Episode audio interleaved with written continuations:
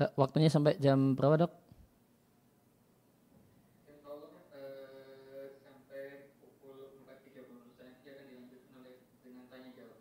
Oh ya.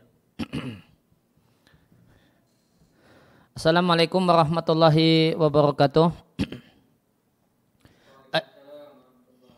Alhamdulillah wassalatu wassalamu ala rasulillahi wa ala alihi wa sahbihi wa man tabi'ahum bi ihsanin ila yaumidin amma ba'd.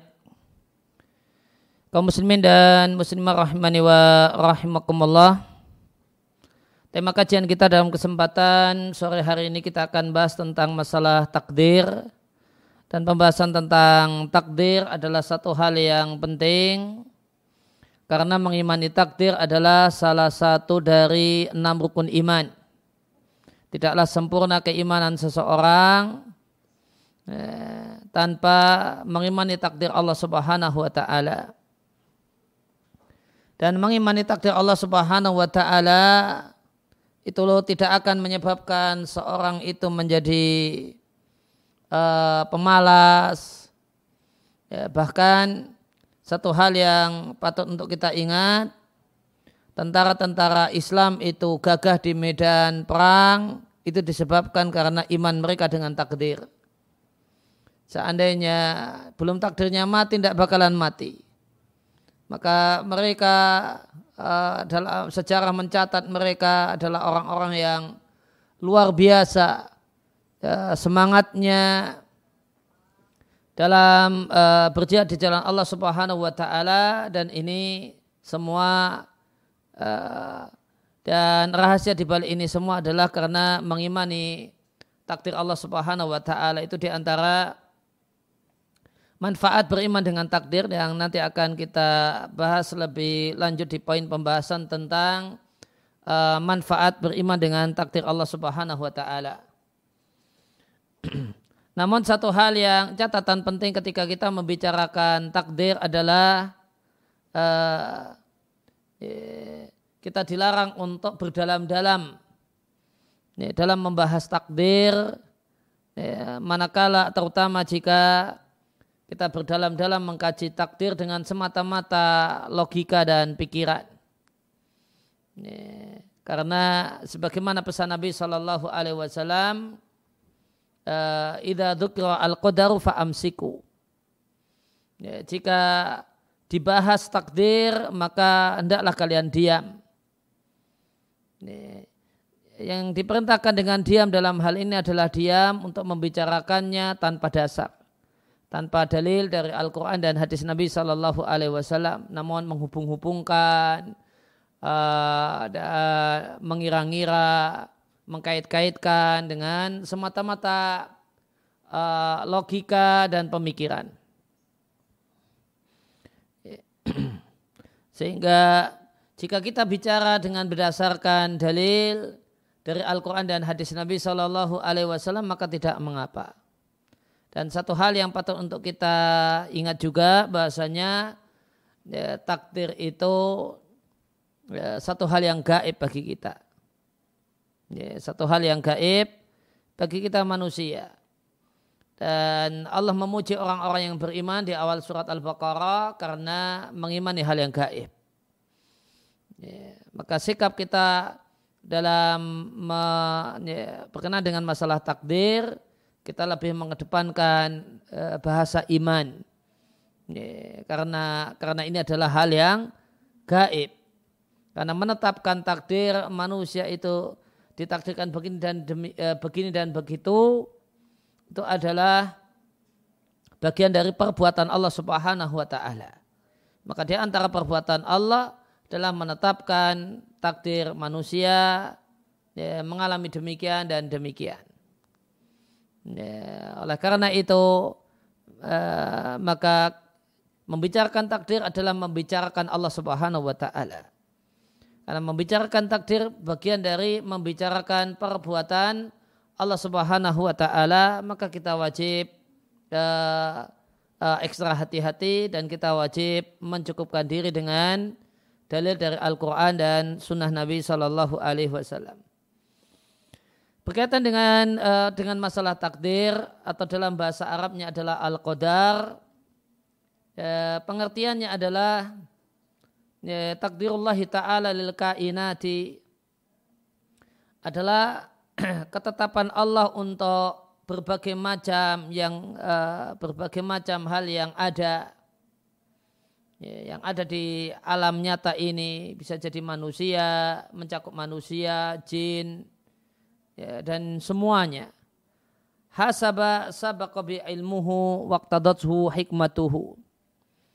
Ya, maka Allah tentukan terjadinya berbagai hal yang terjadi dan itu semua Allah tentukan sesuai dengan ilmu Allah yang dahulu ya, yang mendahului sebelum terjadinya yaitu ilmu Allah yang dulu tanpa awal dan itu semua Allah ya, ya, Allah takdirkan sesuai dengan hikmah Allah Subhanahu wa taala.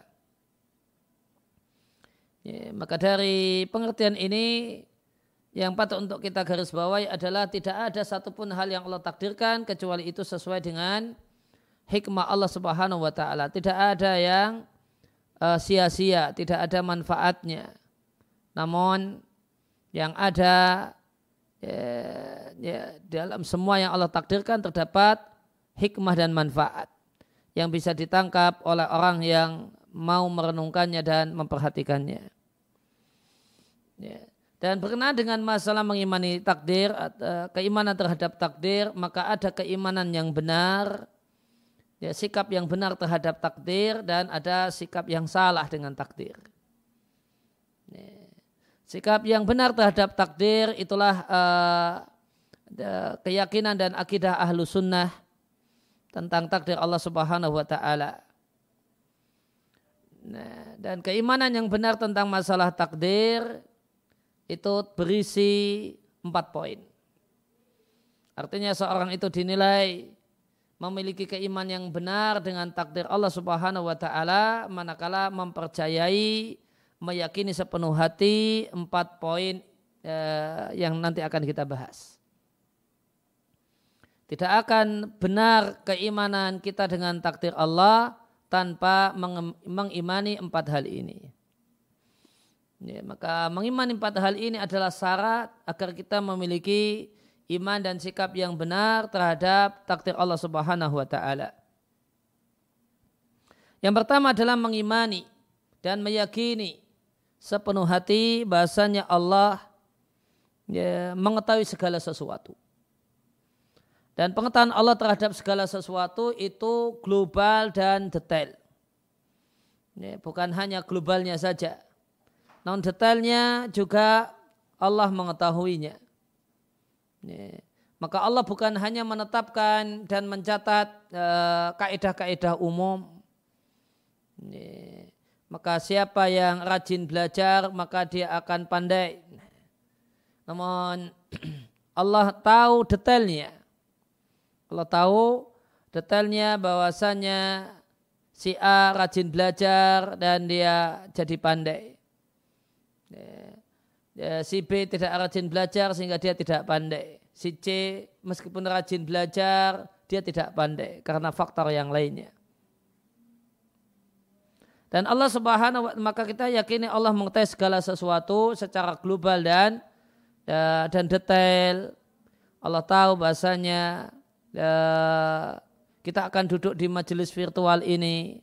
Kita akan hadir di di sore hari ini kita akan hadir di sini.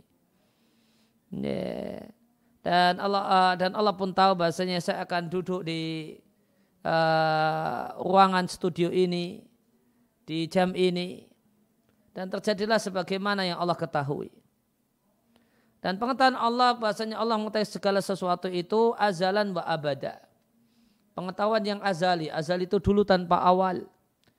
Ya, wa abadan dan pengetahuan tersebut tetap ada pada Allah Subhanahu wa taala seterusnya tanpa akhir. Ya, tidak ada yang terlewat dan tidak ada yang terlupa. Dan Allah mengetahui segala sesuatu, baik itu berkenaan dengan perbuatan Allah ataupun perbuatan makhluknya. Kemudian yang kedua, unsur yang kedua yang wajib kita imani dalam rangka agar kita memiliki iman yang benar dengan takdir Allah Subhanahu wa taala adalah mengimani dan meyakini bahasanya itu semua telah Allah catat di lauhil mahfud. Lembaran-lembaran yang terjaga. Kenapa disebut dengan lauhil mahfud yang artinya lembaran-lembaran yang terjaga? Karena isi lauhil mahfud itu tidak mungkin berubah.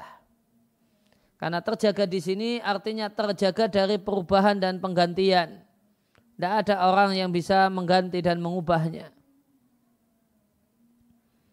Ya, dalil untuk dua poin ini di antaranya firman Allah Ta'ala Alam ta'lam anna Allah ya'lamu ma fis sama'i wal ard Inna dhalika fi kitab Inna dhalika ala Allahi yasir Tidakkah engkau mengetahui dan meyakini bahasanya Allah itu mengetahui semua yang di langit dan di bumi.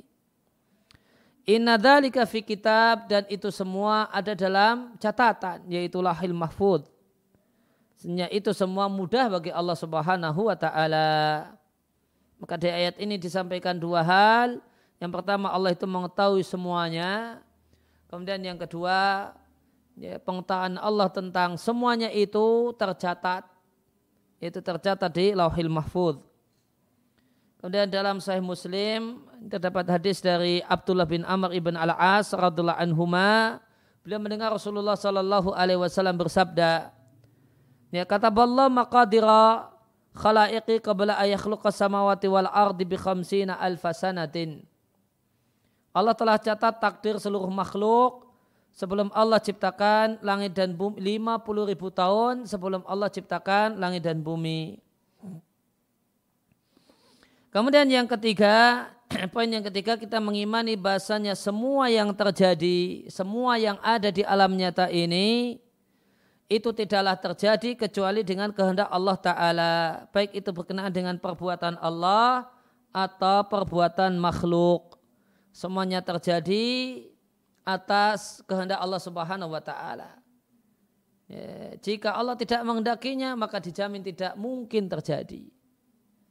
Ya, sebagaimana firman Allah Ta'ala yakhluqu ma yasha wa yakhtar dan Rabbmu itulah uh, dia menciptakan apa saja yang dia kehendaki dan dia memilih apa saja yang dia ingin pilih.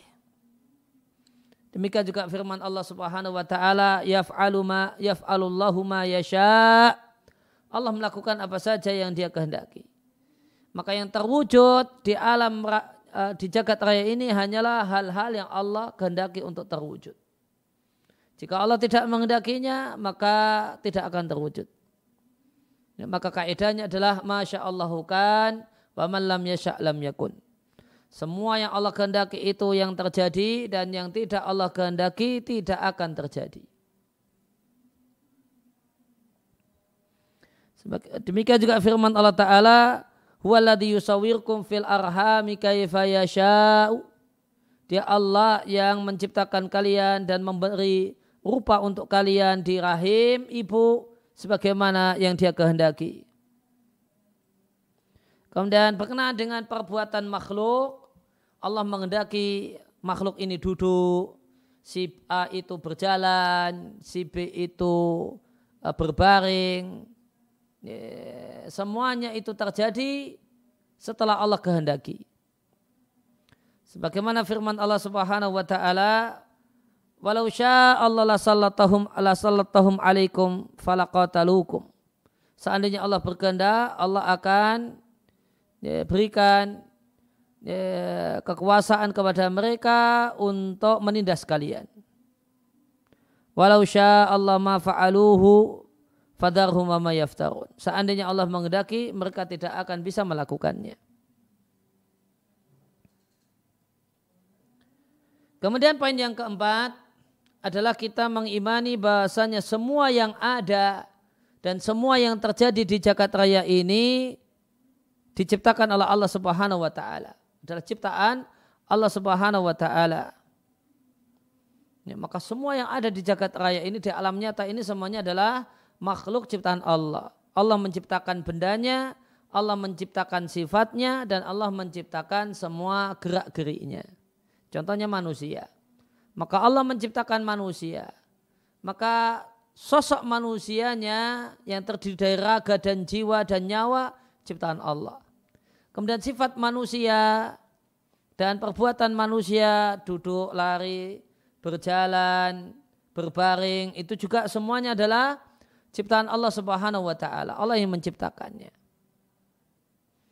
Hal ini berdasarkan firman Allah Ta'ala, Allah khaliqu kulli syai' wa wa ala kulli syai'u wakil. Allah adalah pencipta segala sesuatu. Ini, maka asalkan dia syai' sesuatu, maka dia adalah ciptaan Allah Subhanahu wa taala. Dan syai' yang namanya sesuatu di sini artinya adalah sesuatu yang ya, bukan mustahil, sesuatu yang mungkin.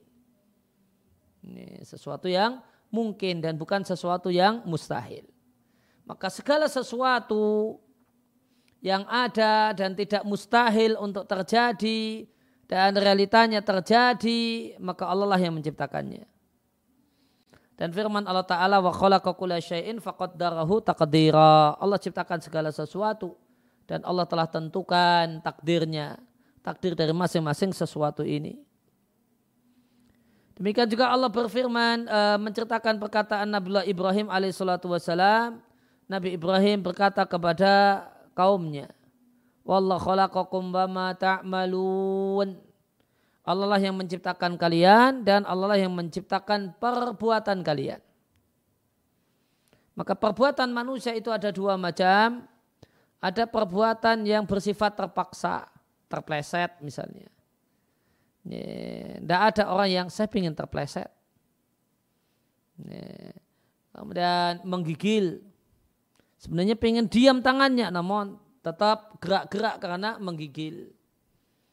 Nah ini uh, ini perbuatan manusia yang dipaksakan. Ya, maka jelas itu adalah ciptaan Allah Subhanahu wa taala. Kemudian yang kedua ada perbuatan Allah yang uh, ada perbuatan manusia yang ikhtiariyah, perbuatan yang merupakan terjadi atas pilihan manusia. Ya. Manusia itu bisa milih duduk atau berjalan. Dia milih jalan. Jalan ataukah lari, ah, milih lari. Ya, duduk ataukah berbaring, milih berbaring. Maka perbuatan manusia duduk, berbaring, berlari, berjalan. Ini semua adalah ciptaan Allah Subhanahu wa taala. Perbuatan manusia namun ciptaan Allah Subhanahu wa taala. Itu yang dimaksud dalam firman Allah, wallahu khalaqakum.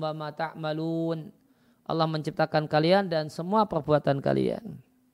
Nah, ini empat poin. Ini uh, ini ya, empat poin penting, ya, sangat krusial, sangat ya, mendasar, sangat penting supaya iman kita dengan takdir Allah itu menjadi iman yang sah.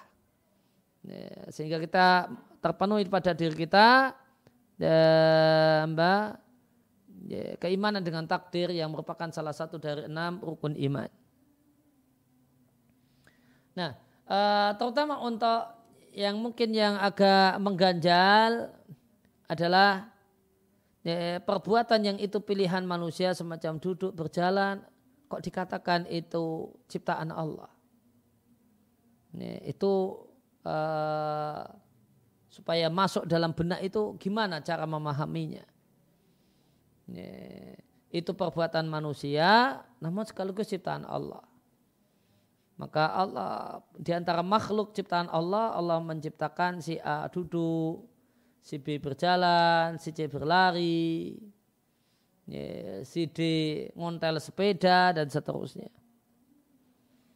Ya, maka itu poin selanjutnya yang ingin kita bahas Ya, mengimani takdir sebagaimana deskripsi yang tadi kami sampaikan itu tidaklah bertentangan ya, bahwasanya bertentangan dengan realita bahwasanya kita manusia kita makhluk itu punya kehendak untuk melakukan perbuatan-perbuatan yang kita lakukan atas kehendak kita semacam duduk, berlari, berjalan. Dan yang kedua, kita itu memiliki ya, kemampuan untuk melakukan perbuatan-perbuatan tersebut. Nah, kenapa ini tidak bertentangan? Karena syariat dan realita menunjukkan ya, ya, hal tersebut. Ya, menunjukkan hal tersebut. Bahasanya dua-duanya ada, dua-duanya eksis. Di satu sisi perbuatan berjalan itu perbuatan manusia dan manusia itu memiliki keinginan dan kemampuan. Keinginan dan kemampuan. Keinginan untuk berjalan dan kemampuan untuk berjalan. Namun di sisi yang lain, berjalannya manusia ini adalah takdir dan kehendak Allah Subhanahu wa taala. Dan ini kita yakini ya, dua hal yang tidak bertentangan. Ya, dua-duanya benar dan dua-duanya tidak bertentangan. Dan satu hal yang patut untuk kita cermati bahasanya jika seorang itu punya kehendak dan tekad yang bulat, ditambah dia itu punya kemampuan yang sempurna, ya, maka perbuatan itu pasti terjadi. Ketika orang itu punya keinginan kuat untuk berdiri dan secara realita fisik dia mampu untuk berdiri, kuat untuk berdiri, ya, maka terjadilah kegiatan berdiri. Nah, ya maka tadi disampaikan karena bahasa ini tidak bertentangan karena memang syariat dan realita menunjukkan kalau demikianlah keadaannya. Ya, kita lihat dalil syariat maka Allah menegaskan bahwasanya manusia itu punya kehendak. Ya, Allah katakan Faman faman sya'at takhuda ila rabbih ma'aba. Siapa yang berkehendak ya, dia bisa memiliki tempat kembali menuju Rabbnya. Kemudian firman Allah di, ya, di ayat yang lain, Fa'tu harthakum anna syi'tum datangilah kebun uh, sawah ladang kalian yaitu istri kalian sebagaimana yang kan kalian inginkan. Sebagaimana yang kalian kehendaki, maka Allah mengakui manusia punya kehendak. Dan Allah pun mengakui dan menetapkan kalau manusia punya kemampuan untuk mewujudkan kehendaknya. Ini, sebagaimana firman Allah Ta'ala, Fattakullah mastata'tum. Di surat At-Taghabun, bertakwalah kalian kepada Allah semaksimal kemampuan kalian. Ada kemampuan kalian, berarti manusia punya kemampuan. Nah itu secara realita uh, syariat, uh, tadi kita bahkan ayat-ayat Al-Quran, ayat Al-Quran menunjukkan kalau manusia itu punya ke, punya kehendak dan punya kemampuan. Allah tidak meniadakan dua hal ini. Bahkan Allah menegaskan dua-duanya ada.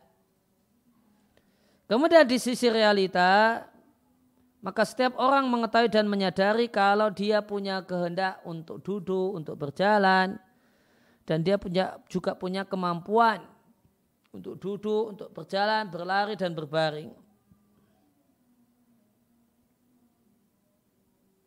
Dengan dua modal ini, kemauan dan uh, ke, ya, kemauan dan kehendak ditambah kemampuan, seorang manusia itu melakukan aktivitas perbuatannya. Dan dengan dua hal ini seorang itu tidak melakukan perbuatannya. Ya bisa berdiri ya karena ada keinginan untuk berdiri dan kemampuan untuk berdiri. Tidak berdiri ya karena tidak ada keinginan untuk berdiri dan atau karena tidak memiliki kemampuan untuk berdiri. Semua kita bisa menyadari Bahasanya ada aktivitas yang kita lakukan dengan atas dasar kehendak kita semacam berjalan, duduk. Dan ada sejumlah aktivitas yang memang itu terjadi tanpa keinginan kita. Menggigil, terpleset. Ya. ya, maka realita menunjukkan kalau kita memang punya keinginan dan punya kemampuan. Nah, namun kaidah dalam masalah ini Ya, ketentuan dalam masa ini namun kehendak manusia, kemampuan manusia itu di bawah kehendak Allah Subhanahu wa taala. Setelah kehendak Allah Subhanahu wa taala dan setelah kuasa Allah Subhanahu wa taala. Manusia punya kehendak, ketika kehendaknya tidak sesuai dengan apa yang Allah kehendaki tidak bakalan terjadi. Ya, dalilnya sebagaimana firman Allah Ta'ala liman syaa minkum ayyastaqim wa ma tasyauna illa ayyasha Allahu rabbul alamin ini ini untuk siapa saja di antara kalian yang mau istiqomah dan tidaklah kalian berkehendak kecuali setelah Allah Rabb semesta alam menghendakinya. Maka di ayat eh, dua ayat ini disampaikan manusia punya kehendak namun wa matasyauna tidaklah kalian berkehendak berarti manusia punya kehendak ila ayasya Allah kecuali jika Allah menghendakinya. Ya, maka kehendak hamba itu di bawah kehendak Allah Subhanahu wa taala. Kenapa demikian?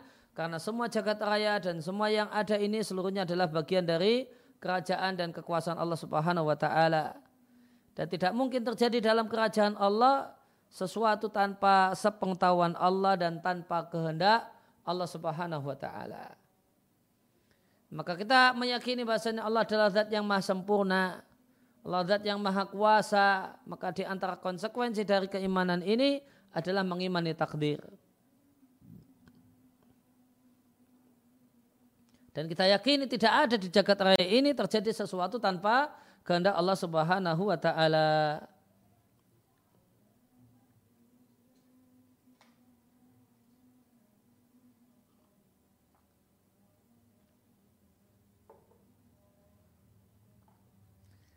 Nah, kemudian uh, menyikapi dan mengimani takdir sebagaimana yang tadi kami deskripsikan dan kita deskripsikan itu tidaklah bisa menjadi hujah dan argumen bagi ya, bagi manusia untuk meninggalkan kewajiban atau mengerjakan maksiat dan hal-hal yang haram. Hmm. Maka jika ada orang yang beralasan dengan takdir untuk melegalkan uh, dan membenarkan uh, perbuatan maksiat yang dia lakukan atau meninggalkan kewajiban sholat dan yang lainnya, maka ini adalah uh, ya, argumen dan alasan yang tidak benar. Ya. Maka satu hal yang patut untuk kita bedakan ada ada musibah dan ada maksiat. Kalau eh, diperbolehkan berargumentasi dengan eh, dengan takdir untuk musibah bahkan dianjurkan ketika terjadi musibah maka kita dituntunkan untuk mengucapkan qadarullahi wa masya'a fa'ala ini takdir Allah dan apa yang Allah kehendaki itu yang itu yang terjadi kalau tidak Allah kehendaki tidak akan uh, tidak akan terja, terjadi Nah, maka itu boleh bahkan diperintahkan di hadis uh, Nabi anjurkan. Fain asobaka syai'un ya, jika terjadi musibah falatakullahu ani fa'altu kada lakana kada. Jangan mengatakan seandainya aku tadi berbuat demikian yang terjadi adalah demikian. Walakin kul Masya Allah uh, qadarullah wa masya'a fa'ala. Namun katakanlah namun beralasanlah dengan takdir uh, dengan mengatakan Inilah takdir Allah dan apa yang Allah kehendaki itulah yang terjadi. Ya, kemudian ya, uh, ya ke, itu musibah. Sedangkan kalau maksiat maka tidak boleh beralasan dengan takdir untuk ya, melegalkan kemaksiatannya dan untuk terus menerus berbuat maksiat. Ya sudah takdir Allah jadi maling, tidak uh, boleh demikian. Ya ungkapan demikian satu hal yang uh, satu hal yang tidak diperbolehkan. Seandainya ada orang yang nekat demikian, maka ini adalah uh, argumentasi yang tidak benar dan bukti tidak benarnya adalah sejumlah alasan.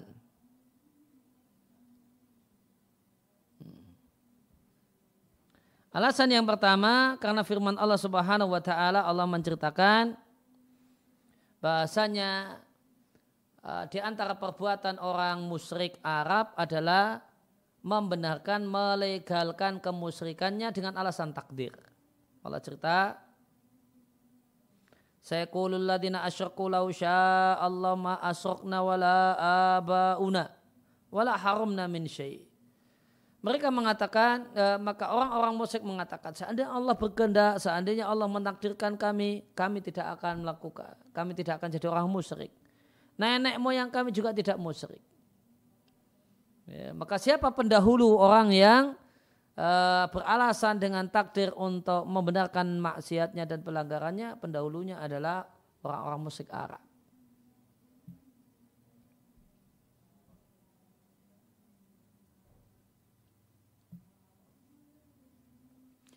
Ya, kemudian Allah katakan eh, kadzalika kadzdzaba alladziina min qablihim demikalah eh, orang-orang yang sebelum mereka mendustakan hatta dzaku ba'sana sampai mereka menyicipi dan merasakan siksaan kami. Ya. Maka ini menunjukkan seandainya boleh beralasan dengan takdir, maka Allah tidak akan mengadab mereka.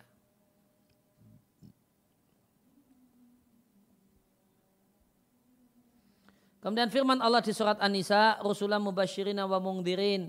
Allah kirimkan sejumlah rasul memberikan kabar gembira berupa surga bagi orang yang beriman dan kabar ancaman dan menakutkan bagi orang-orang yang kafir supaya manusia tidak, tidak lagi punya alasan di hadapan Allah setelah diutusnya para rasul. Maka di ayat ini setelah diutusnya rasul orang tidak punya alasan di hadapan Allah. Sebelum diutusnya rasul orang punya alasan di hadapan Allah. Seandainya takdir itu bisa jadi alasan berarti eh, maksud eh, pengutusan rasul tidak terwujud. Karena ternyata setelah diutusnya Rasul, ya, setelah diutusnya Rasul, hujah bukan hilang. Argumen e, berargumen di hadapan Allah masih bisa, yaitu dengan e, dengan takdir. Maka ini menunjukkan bahasa dalam syariat kita sudah setelah diutusnya Rasul, orang sudah tidak lagi punya argumentasi untuk melakukan kejahatan dan kemaksiatan di hadapan Allah Subhanahu wa taala. Hujah telah hilang, alasan itu telah menguap dengan diutusnya para rasul. Kemudian alasan yang penjelasan yang ketiga diatkan Bukhari dan Muslim dan ini redaksi Bukhari dari Ali bin Abi Thalib radhiyallahu anhu Nabi menyampaikan tidak ada seorang pun kecuali telah dicatat dia akan tinggal di surga ataukah neraka.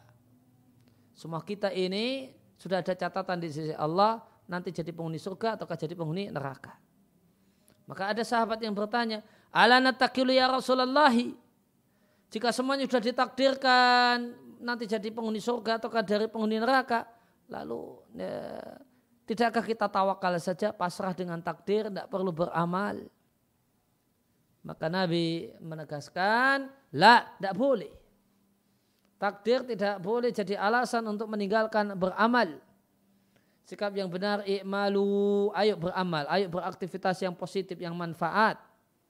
Fakulun muyasaron ya, semuanya akan dimudahkan menuju tempat penciptaannya. Ada yang dimudahkan untuk melakukan maksiat karena memang tempat kembalinya adalah neraka. Ada yang dimudahkan dientengkan untuk berbuat taat karena memang nanti tempat kembalinya adalah surga Allah Subhanahu wa taala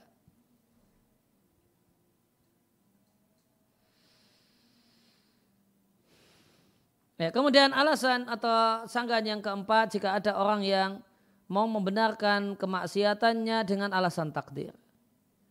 Ya, alasan yang keempat Allah Ta'ala memerintahkan hamba dan melarang hamba untuk berbuat demikian dan tidak boleh berbuat demikian. Dan Allah tidaklah membebani hamba kecuali sesuai dengan batas kemampuannya. Semisal di ayat At-Taghabun ayat yang ke-16, Fattakullaha mastata'atum. Bertakwalah kalian kepada Allah semaksimal kemampuan kalian. Seandainya orang itu dipaksa untuk melakukan perbuatannya, maka artinya manusia dibebani untuk melakukan sesuatu yang dia tidak mampu. Padahal ayatnya telah menegaskan tidak ada demikian. Pembebanan sesuatu yang di luar kemampuan.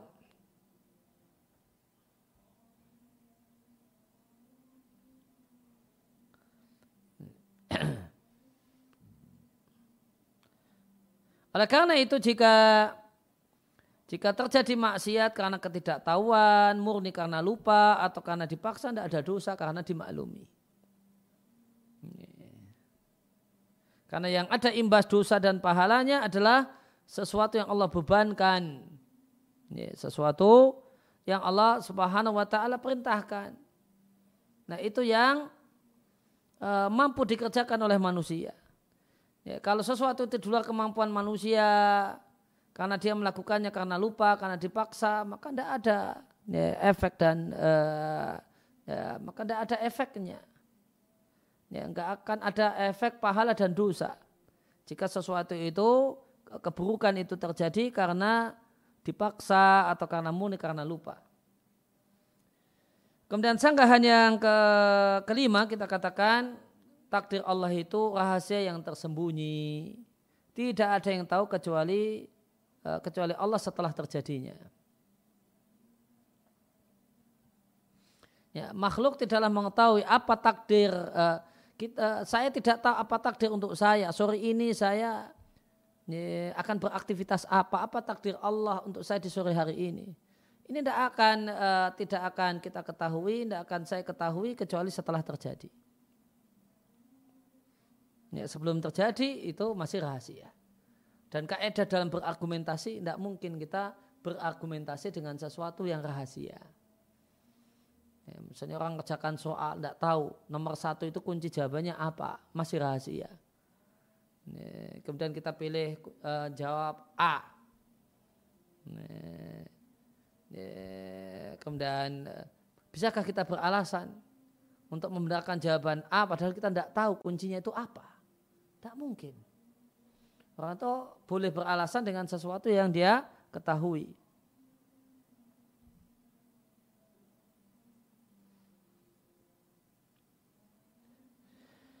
Ya, maka takdir Allah itu satu rahasia yang tersembunyi, tidak ada yang mengetahuinya kecuali setelah terjadinya hal yang ditakdirkan. Dan kehendak kita untuk melakukan apa yang akan kita lakukan, kehendaknya itu lebih dulu dari perbuatannya. Sehingga keinginan kita untuk melakukan satu hal itu tidak berdasarkan ilmu tentang takdir Allah. Jika demikian, lantas ya dari mana bisa punya alasan dengan takdir? Untuk membenarkan hal yang buruk. Ya, maka kaidahnya la hujjata lil mar'i fima la ya'lamuhu. Seorang itu tidak bisa berargumentasi, tidak bisa beralasan dengan sesuatu yang dia tidak dia sendiri tidak tahu apa isinya.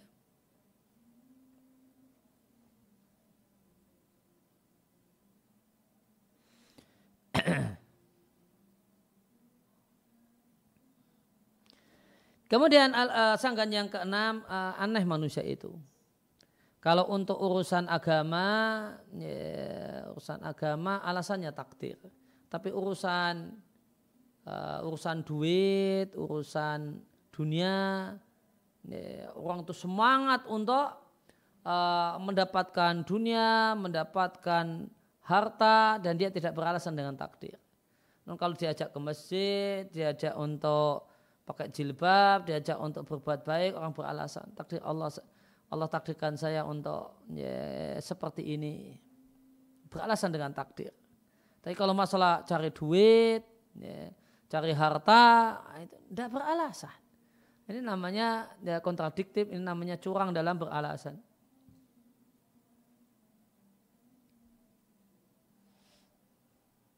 Ya, maka itu sikap aneh manusia kalau dalam masalah perkara dunia, ya, ya, tidak beralasan uh, saya miskin karena ya sudah takdir Allah saya miskin, saya bodoh ini takdir Allah karena saya bodoh tidak beralasan. Namun giliran masalah kebaikan, ketaatan, amal soleh, ya, malah beralasan dengan takdir Allah Subhanahu Wa Taala. Ya, padahal uh, uh, statusnya sama. Ya, maka ya, realita yang terjadi orang itu yang ada adalah orang itu suka-suka. Ya, nanti kalau masalah maksiat, sukanya beralasan dengan takdir, ya pakai takdir. Ya, tapi kalau masalah harta uh, dirasa tidak perlu takdir, maka tidak pakai takdir. Jadi suka-suka aja.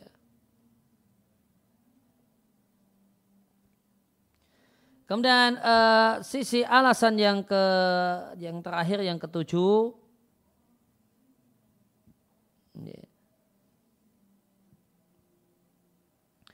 Ketika ada orang yang beralasan dengan takdir untuk meninggalkan kewajiban atau melakukan maksiat, andai orang ini didolim oleh seseorang, ada yang merampas hartanya, ada yang menodai kehormatannya, kemudian si perampas tadi kemudian beralasan dengan takdir dengan mengatakan jangan celah saya karena saya zalim, karena saya itu berbuat zalim dengan takdir Allah Subhanahu wa taala. Maka orang yang eh, orang yang beralasan dengan, dengan takdir tadi untuk membenarkan maksiatnya, tidak menerima alasan si pencuri ini, si perampas ini. Ya, padahal orang ini itu suka beralasan dengan takdir, malas untuk sholat, alasannya takdir. Begitu dia diram, ya, diganggu orang, kemudian orangnya mengatakan jangan salahkan saya mengganggu anda karena ini sudah takdir Allah, dia tidak menerimanya.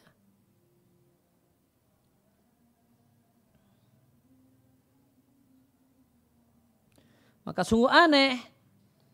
Ya, ya, ada kemudian orang yang tidak menerima adanya orang beralasan dengan takdir dalam perbuatan zalim dia kepadanya. Namun kemudian beralasan dengan takdir ketika dia menzalimi hak Allah Subhanahu wa taala. Maka ini satu hal yang tidak uh, konsisten. Ada cerita dalam masalah ini dari eh, dari Amirul Mukminin Umar bin Khattab radhiallahu anhu dilaporkan kepada Khalifah Umar ada seorang pencuri yang berat untuk di, mendapatkan hukuman potong tangan. Akhirnya Khalifah Umar uh, radhiallahu taala anhu memerintahkan supaya dipotong tangan pencuri itu. Ketika hendak dieksekusi, si pencuri ini mengatakan, "Mahlan ya Amirul Mukminin, sabar dulu wahai Amirul Mukminin, jangan main potong-potong gitu. Saya ini mencuri dengan takdir Allah gitu." kata si pencuri. Maka uh, sahabat Umar bin Khattab radhiyallahu taala anhu kemudian balas menjawab, nah, kami potong tanganmu juga dengan takdir Allah Subhanahu wa taala. Potong tanganmu itu juga dengan takdir Allah Subhanahu wa taala. Kemudian poin yang terakhir di kesempatan kajian sore hari ini adalah manfaat beriman dengan takdir. Ya, imam mengimani takdir memiliki manfaat-manfaat yang penting. Ya, ada tiga manfaat utama. Ya, ada tiga uh, manfaat utama. Uh, yang pertama adalah bersandar hati itu bersandar hanya kepada Allah ketika melakukan usaha. Hati tidak bersandar kepada usaha itu sendiri. Karena seorang mukmin berkeyakinan bahasanya segala sesuatu itu hanya bisa terjadi dengan takdir Allah Subhanahu wa taala. Maka orang tidak menepuk dada, oh, saya itu hebat, saya itu pintar. kalau orang itu mengimani takdir, tidak akan demikian. Keimanan dengan takdir menyebabkan dia akan merunduk dan sadar. Bahasanya tidak akan terwujud itu semua tanpa takdir Allah Subhanahu wa taala. Ya, kemudian yang kedua adalah e, manfaat yang kedua supaya seorang itu tidak ujub, ya, tidak bangga berlebihan ketika mendapatkan apa yang diinginkan. Karena dia mendapatkan apa yang diinginkan adalah nikmat dari Allah. Ya, karena Allah telah takdirkan sebab-sebab kebaikan dan kesuksesan. Ya, maka ketika seorang itu kagum dengan dirinya sendiri, ya, ya, itu menyebabkan dia lupa untuk bersyukur dengan nikmat tersebut. Ya. Ya, maka manfaat yang kedua supaya orang itu tidak ujub, tidak menempuk dada. Saya hebat, saya mampu, saya ini, saya ini. Kemudian yang ketiga adalah tenang dan jiwa yang lapang ya, ketika terjadi takdir-takdir Allah yang tidak menyenangkan maka tidak akan cemas dikarenakan kehilangan orang yang dicintai atau kemudian terjadinya sesuatu yang tidak disukai. Karena itu semua dengan takdir Allah Subhanahu wa taala. Yang milik Allah semua kerajaan langit dan bumi. Nah, tadi dua terutama dua manfaat terakhir. Itu tadi di uh, kita jumpai di ayat yang tadi disampaikan di uh, mukadimah kajian ini yaitu firman Allah Ta'ala ma asaba min musibatin fil ardi wala fi anfusikum illa fi kitabin min qabli an nabra'ah nabra'aha semua musibah yang terjadi di bumi ataupun pada diri kita kecelakaan lalu lintas ke, uh, kepleset dan sebagainya ya, semua musibah yang terjadi itu fi kitabin. Ada dalam kitab yaitu lahil mahfud sebelum kami menciptakannya. Maka di ayat ini ada ada dua poin. Ya, poin tentang pencatatan, ya, Pencatat di lauhil mahfud. Kemudian yang kedua adalah penciptaan. Semuanya Allah ciptakan. Musibah itu Allah yang ciptakan. Inna dzalika 'ala Allahi yasir itu mudah bagi Allah Subhanahu wa taala. Kemudian di ayat selanjutnya disampaikan dua manfaat mengimani takdir. Likaila ta'sau ala ma fatakum. Supaya kalian tidak terlalu putus asa, supaya kalian tidak putus asa dengan nikmat yang tidak kalian dapatkan.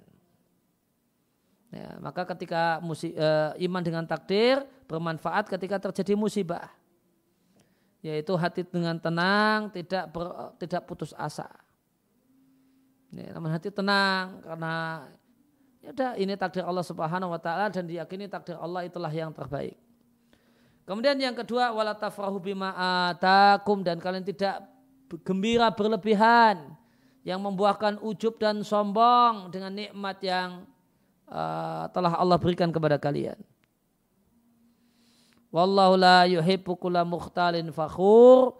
Sesungguhnya Allah Subhanahu wa taala tidak menyukai orang, semua orang yang sombong dengan sikapnya, fakhur dan sombong dengan ucapannya. Ya, maka Allah sampaikan di ayat ini manfaat iman dengan takdir adalah tidak gembira berlebihan. Kalau orang itu gembiranya overdosis, jadinya nanti ujub. Dan nanti uh, buah dari ujub adalah sombong. Nah ini terjadi kalau tidak mengimani takdir. Kalau orang itu mengimani takdir, ini kita bisa dapat uh, harta sedemikian banyak semata-mata karena kemudahan dari Allah. Tanpa kemudahan dari Allah kita tidak bisa punya harta sebanyak ini ya, maka orang tidak akan menepuk dada, orang tidak akan uh, ya, tidak akan sombong. Kemudian sebagaimana sabda Nabi Shallallahu Alaihi Wasallam dalam hadis Muslim, ajaban li amrul mu'min inna amroh kullahu lahu khair. Ya, sifat orang yang beriman, karakter orang beriman itu menakjubkan. Semuanya kebaikan. Walaysa kali ahadin ilal mu'min. Dan ini tidaklah ya, tidaklah ada kecuali bagi orang yang beriman. Jika mendapatkan sesuatu yang menyenangkan orang yang beriman akan bersyukur dan itulah yang lebih baik. Jika tertimpa hal yang menyusahkan ya, maka sabar dan sabar itulah yang lebih baik. Ya, maka ini mengisyaratkan buah mengimani takdir. Mengimani takdir Allah Subhanahu wa taala itu ketika mendapatkan nikmat ingat semua ini bisa terwujud dengan kemudahan dari Allah. Akhirnya bersyukur. Ya, kemudian ketika terjadi musibah, sesuatu yang tidak diharapkan, maka sadar dengan takdir, tidak akan berandai-andai, yang terjadi telah terjadi, kemudian sabar, nah itulah yang lebih baik. Ya, maka karena karena keimanan dengan takdir akhirnya bisa sabar. Ya, ya sudah, ini tidak mungkin di uh, nasi sudah jadi bubur, tidak mungkin dikembalikan menjadi nasi. Ya, ya sudah, bagaimanakah kita jadikan sebagai bubur yang enak? Ya, uh, caranya dengan diberi bumbu berupa sabar ya, dan pasrah dan yakin bahasanya pilihan Allah itu lebih baik daripada pilihan kita. Yakin bahasanya dalam perbuatan Allah itu terdapat hikmah yang bisa kita tangkap jika kita merenungkannya dan memperhatikannya. Demikian kurang lebih uh, materi yang bisa kami sampaikan seputar takdir. Ya, mudah-mudahan bisa menjadi ilmu yang bermanfaat untuk saya pribadi dan uh, jamaah sekalian. Wassalamualaikum ala nabiyina Muhammadin wa ala alihi wasallam. Wa alhamdulillahi rabbil alamin. Saya kembalikan ke moderator. Alhamdulillahirrahmanirrahim. Terima kasih kami sampaikan oleh kepada Ustadz Aris Munandar atas kajian materinya tentang takdir. Untuk sesi yang selanjutnya akan kami buka sesi tanya jawab bagi para peserta dapat bertanya secara langsung mel uh, ataupun melalui chat. Oke, baik Ustadz di sini uh, melalui kolom chat kita ada sudah memiliki beberapa pertanyaan Ustadz. Ya, silahkan. Uh, akan saya bacakan guys. Monggo, monggo. Yang dari Dr. Heru Subroto. Assalamualaikum warahmatullahi wabarakatuh. Waalaikumsalam warahmatullahi wabarakatuh. Ada dua pertanyaan. Jadi satu-satu ya. Apakah doa uh, mengubah takdir? Apakah doa mengubah takdir? Uh, pertanyaan pertama, apakah uh, doa itu mengubah takdir? Yeah. jawaban uh, jawabannya jawaban utuhnya uh, adalah iya dan tidak. Ya, jawaban sempurnanya iya dan tidak. Ya, iya dari satu sudut pandang dan tidak dari satu sudut pandang. Kalau dari sudut pandang pengetahuan manusia yang tidak tahu hal yang gaib dan tidak tahu masa depan, maka doa dan usaha itu bisa mengubah takdir. Ya, semula orang itu sakit dan ya, dia tidak berubah, namun dia rajin berdoa dengan penuh kesungguhan, tiba-tiba sembuh. Ya, setelah doanya. Maka dari sudut pandang manusia yang tidak tahu masa depan dan tidak tahu hal yang gaib, maka akan berkesimpulan bahasanya doa itu uh, mengubah takdir. Kemudian yang kedua, namun dari sudut pandang yang lain, ya doa demikian juga semua bentuk usaha itu tidak mengubah takdir. Karena perlu diketahui bahasanya yang ada dalam catatan takdir Allah Subhanahu wa taala itu adalah Allah mentakdirkan sesuatu dan sebabnya. Jadi Allah takdirkan si A itu sakit, Kemudian Allah takdirkan si A itu rajin berdoa. Kemudian Allah takdirkan setelah rajin berdoa si A sembuh. Nah, semuanya ditakdirkan. Sehingga bahasa yang tepat itu sebagaimana perkataan Umar bin Khattab radhiyallahu taala anhu tentang usaha manusia. Eh, beliau katakan nafiru min qadarillahi ila qadarillahi. Kita itu lari dari takdir menuju takdir Allah yang lainnya. Jadi kita cuma berpindah berpindah takdir saja. Itu kalau dari sudut pandang uh, takdir. Tapi kalau dari sudut pandang uh, manusia yang tidak tahu masa depan dan tidak tahu hal yang gaib, maka usaha itu mengubah uh, ya, uh, mengubah takdir. Nih. terima kasih Ustaz. Menyambung ke pertanyaan yang pertama, tadi ada pertanyaan yang kedua Ustaz dari yeah. Dr. Heru. Yeah menyambung silaturahmi itu memperpanjang usia. Nah, bagaimana penjelasan mengenai hal tersebut, Ustaz? Ya, Nabi sampaikan bahasanya ya,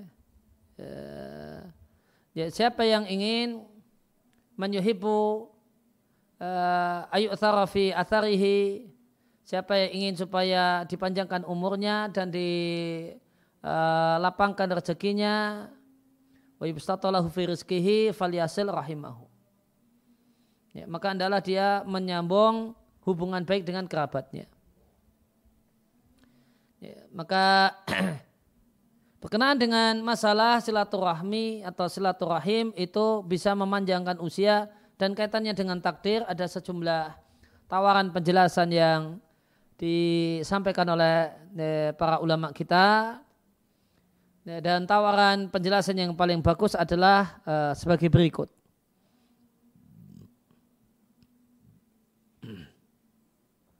Bahwasanya faktor faktor yang menyebabkan panjangnya usia itu ada ada dua kategori. Yang pertama faktor-faktor fisik indrawi. Kemudian yang kedua adalah faktor uh, eh, non indrawi ya, faktor non fisik itu sebab panjang umur. Secara uh, secara fisik faktor yang menyebabkan orang itu panjang umur itu beberapa hal. Ya, tentu ya, apa para dokter semua yang ada di sini yang lebih paham.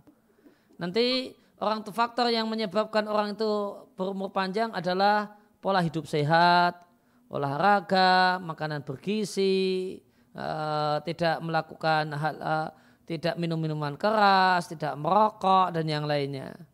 Itu jadi faktor uh, menyebabkan kemungkinan panjang umur atau menyebabkan umur itu lebih panjang. Ya.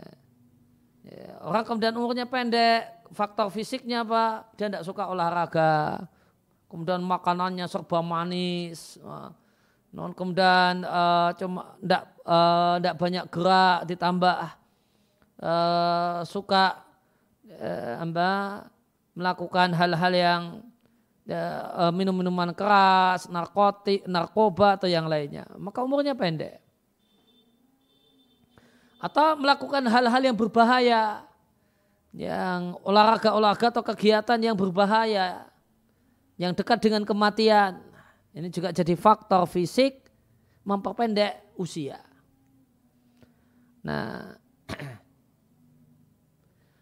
eh, apakah kemudian makan makanan sehat itu eh, kita katakan faktor memperpanjang eh, memperlama usia memperpanjang usia itu bertentangan dengan takdir jawabannya tidak orang itu umurnya sudah ditakdirkan eh, namun ya orang itu eh, namun makan makanan yang sehat itu akan jadi sebab panjangnya umur. Nah, sebagaimana sebab-sebab fisik itu sebab-sebab fisik untuk uh, untuk panjangnya umur itu tidak bertentangan dengan realita semuanya sudah ditakdirkan demikian juga ada sebab-sebab non fisik semacam menyambung silaturahmi itu sebab non fisik ya, untuk panjangnya umur dan ini tidak bertentangan dengan ya, adanya takdir Allah Subhanahu wa taala. Ya, kalau beranggapan bahwasanya panjang umur ya, itu menyebab eh, atau kemudian silaturahmi itu menyebabkan panjang umur itu bertentangan dengan keimanan dengan takdir, maka harus sama, harus konsisten. Ya, makan makanan yang sehat, beranggapan bahasanya makan makanan yang sehat itu eh, yang merupakan sebab panjang umur itu bertentangan dengan iman dengan takdir, itu juga bertentangan dengan takdirnya. Harus ya, harus konsisten kalau ini dianggap bertentangan ya di situ bertentangan. Kalau yang itu tidak bertentangan yang yang ini juga tidak bertentangan. Nah, dan namun catatan yang penting perlu diketahui bahasanya silaturahmi dalam hadis ini beda dengan silaturahmi dalam bahasa Indonesia. Silaturahmi dalam bahasa Indonesia itu artinya berkunjung ke tetangga, teman, itu disebut dengan silaturahmi. Non silaturahmi yang ada di hadis yang jadi sebab panjangnya umur itu adalah menjalin hubungan baik dengan kerabat. Kerabat itu adalah orang yang punya hubungan darah dengan kita menyambung hubungan baik dengan uh, dengan Pak D, dengan Pak Le, dengan Om, dengan Tante, dengan sepupu. Ya, ada saling uh, tanya kabar, ya, kemudian menyempatkan diri untuk telepon, sekedar ingin memastikan keadaannya baik-baik saja dan sehat-sehat saja. Nah ini ya, ini menyambung hubungan baik dengan kerabat dan ini yang Nabi sampaikan menjadi sebab panjangnya umur. Nah.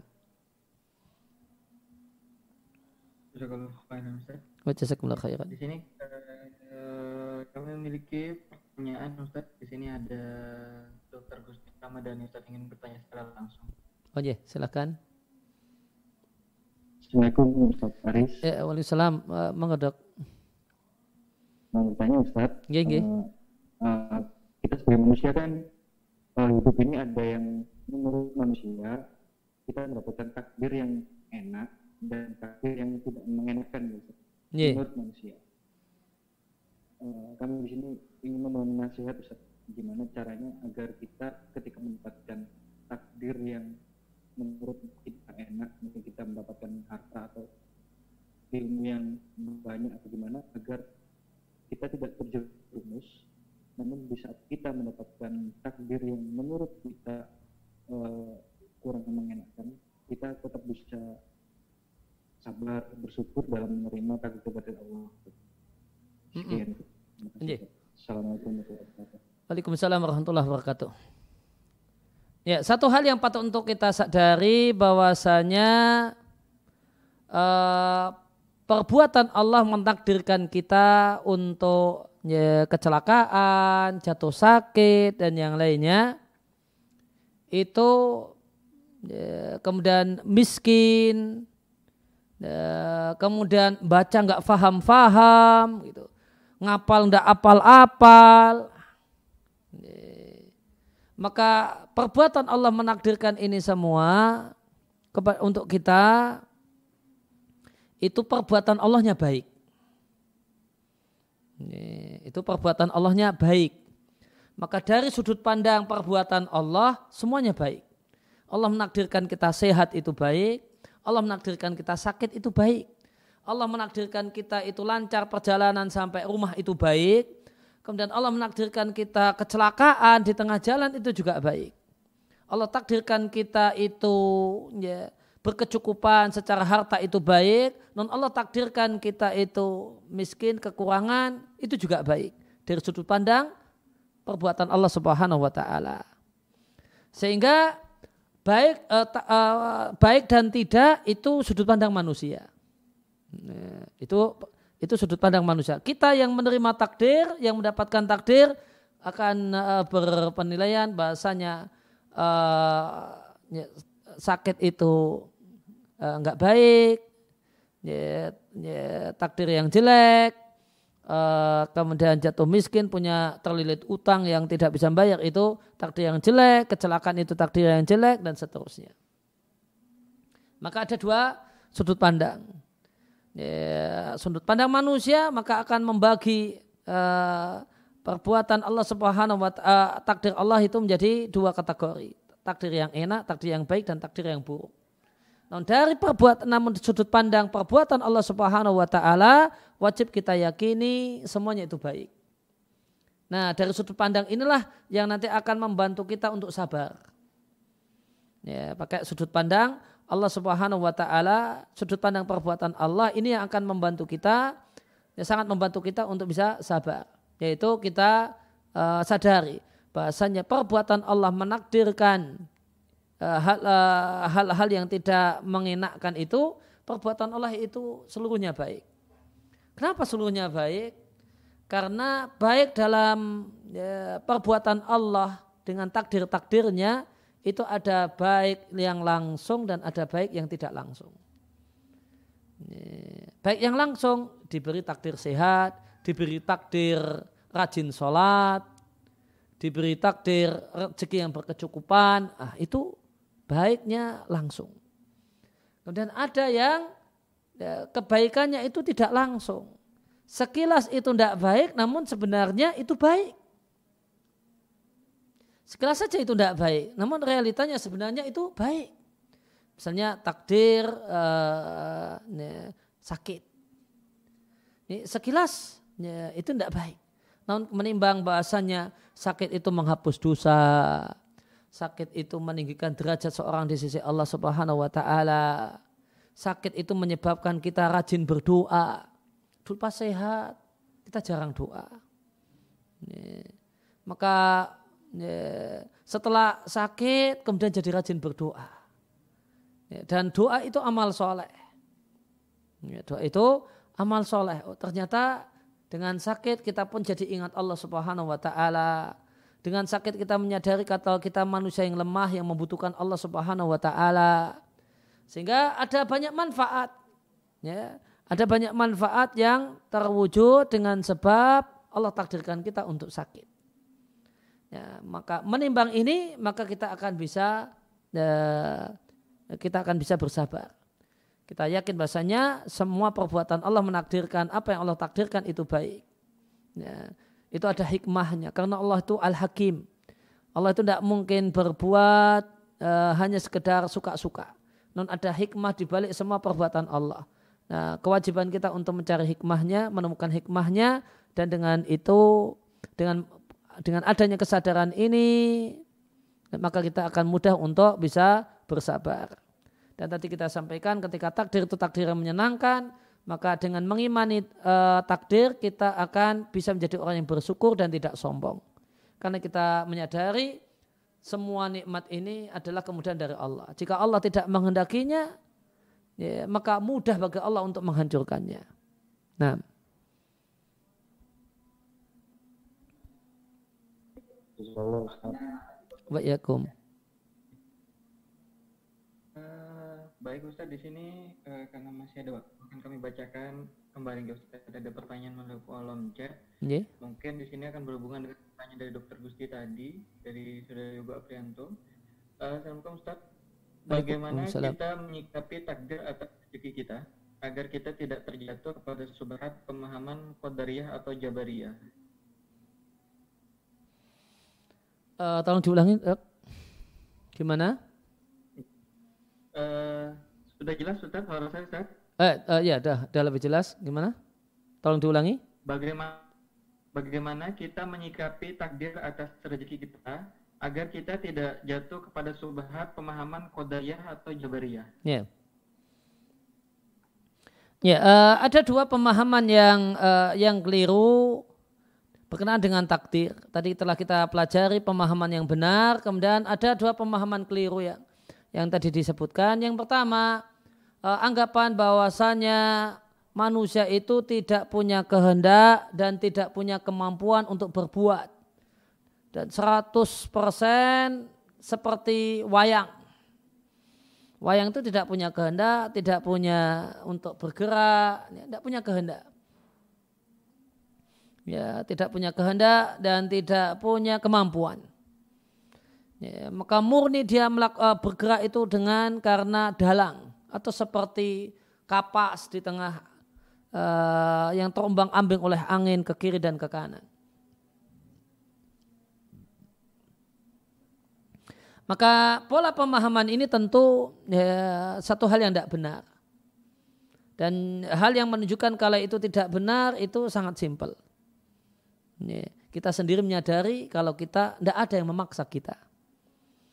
Tidak hmm, ada yang memaksa kita.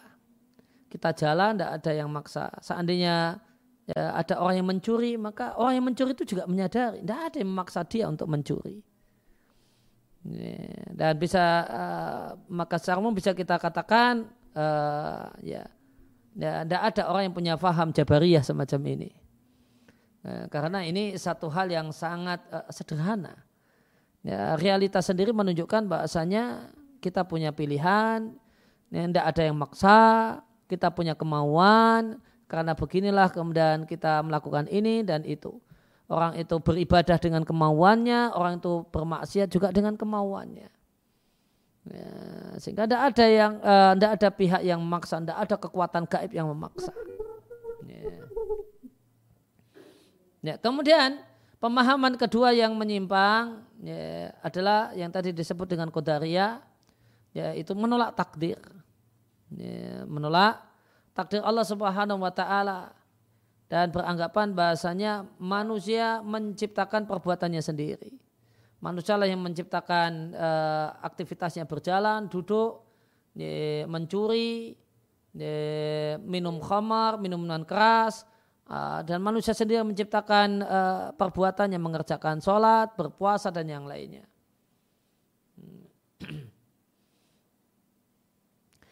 Maka ini juga pemahaman yang tidak benar. Kenapa? Karena dengan pemahaman ini berarti di jagat raya ini terdapat banyak pencipta. Setiap manusia menjadi pencipta. Padahal telah menjadi satu basic keimanan kita, eh, Allah itu satu-satunya pencipta. Tidak ada pencipta di jagat raya ini kecuali Allah Subhanahu wa taala. Kalau orang itu tidak mengimani takdir, yang di antara poin takdir itu adalah semua adalah ciptaan Allah termasuk perbuatan manusia itu ciptaan Allah maka nanti berkonsekuensi ya, ada banyak pencipta ya, karena pencipta sebanyak jumlah manusia karena semua manusia menciptakan perbuatannya sehingga ini satu hal yang tidak benar ya, satu hal yang tidak benar uh, kemudian uh, yang paling banyak kalau yang ada yang kita jumpai di masyarakat itu bukan bukan pemahaman pertama atau pemahaman yang kedua, namun pemahaman yang ketiga yaitu pemahaman suka-suka. Nah, pemahaman suka-suka yang tadi kita bahas di materi kajian tadi, yaitu kalau masalah ibadah, kalau masalah akhirat itu nanti jabariyah. Nah, sudah takdir saya itu uh, jadi pencuri. Nah, takdir saya itu bodoh, saya itu nggak bisa ngapal Quran gitu takdir saya itu memang ngapal juz amma saja nggak bisa gitu. Ini jabariyah kalau dalam masalah akhirat. Ini, takdir saya itu memang uh, malas sholat gitu. Ya, kalau masalah ya, masalah akhirat, masalah agama, nah, nanti alasannya takdir. Nah, tapi kalau kemudian kalau urusan cari duit, gitu, urusan cari duit takdirnya jadi hilang. Takdirnya jadi hilang. Nah itu yang paling banyak ini aliran suka-suka ini. Aliran suka-suka, aliran sakarepe kayak gini. Ini. Jadi intinya ya maunya dia. Sehingga yang terjadi gabungan antara Jabariyah dan Qadariyah tergantung babnya bab apa gitu. Kalau babnya bab akhirat, bab sedekah, ya bab infak, bab sholat, nah, nanti pakai Jabariyah. Ya takdir saya memang demikian gitu. Ya, nanti teman kalau dalam masalah usaha cari duit, nah, takdir juga uh, lupa gitu. Ya harus harus kerja, jangan lupa takdir. Kalau itu semua nanti hanya akan terwujud kalau Allah menghendakinya. Ya, ya, uh, demikian uh, uh, dengan memahami hal-hal sederhana ini, insya Allah kita akan terbebas dari tiga jenis pemahaman yang tidak tepat berkenaan dengan takdir baik baik yang berlebihan dalam uh, mengimani takdir atau kemudian tidak mengimani takdir atau model yang ketiga yang suka-suka tadi. Nah.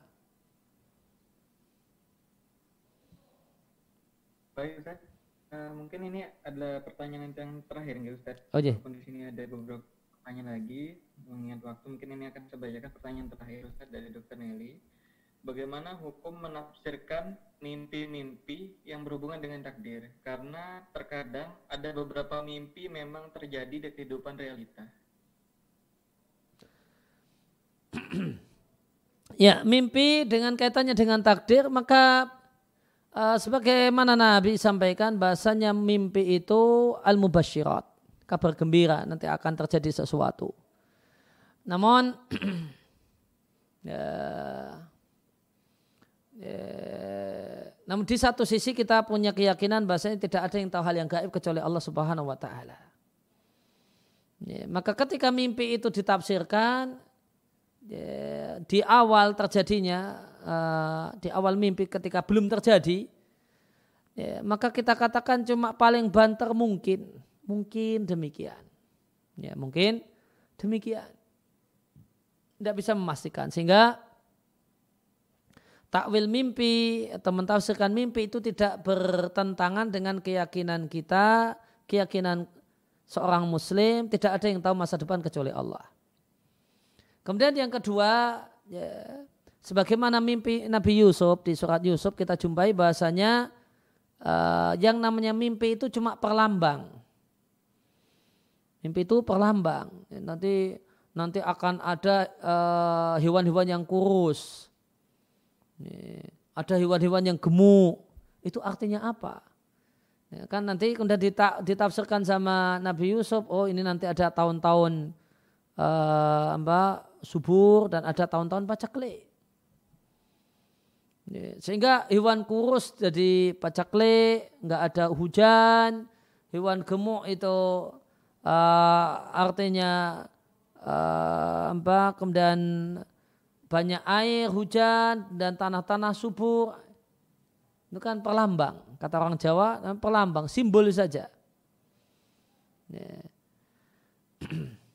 Dan karena dia simbol, dan untuk hal-hal yang tidak ada dalilnya, ya, dari ayat Al-Quran dan hadis Nabi, ya, maka penentuan ini mimpi yang dilihat ini itu simbol untuk apa? Ya, itu sifatnya adalah prasangka. Sangat prasangka. Lain hanya kalau ada dalilnya, ada ya, ya mimpinya Nabi Yusuf dan uh, kemudian Nabi Yusuf telah menjelaskan tafsirnya demikian.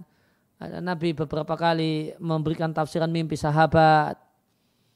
Nah, maka kalau kalau ini ya perlambangnya jelas. Ini simbolnya maknanya demikian. Tapi kalau tidak ada yang tidak ada dalilnya dari ayat Al-Quran ataupun hadis Nabi, ya, maka itu ya, uh, ini simbol ini dan itu satu hal yang ya, statusnya mungkin. Ya, mungkin dan itu bisa jadi kemungkinannya pun 50-50. Mungkin benar ditafsirkan demikian dan mungkin tidak. Ya, sehingga pada akhirnya tidak bisa dipastikan. Dan pada akhirnya bisa kita simpulkan itu tidak bertentangan dengan bahasanya kita seorang muslim berkeyakinan tidak ada yang tahu masa depan kecuali Allah Subhanahu wa taala karena hasil dari tafsir mimpi tadi cuma mungkin demikian dan mungkin demikian dan tidak bisa dipastikan secara tepat. Nah, itu mungkin respon yang bisa saya sampaikan. Jazakumullah khairan Ustaz Munandra. Wa jazakumullah khairan.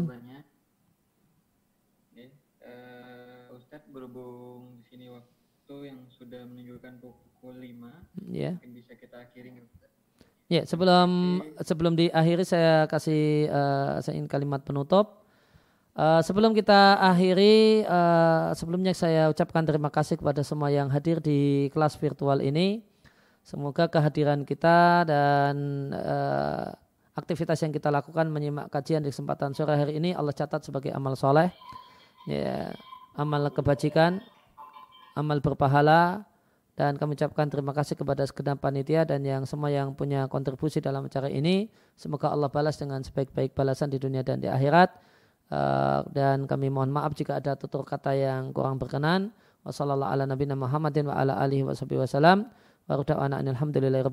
Wassalamualaikum warahmatullahi wabarakatuh.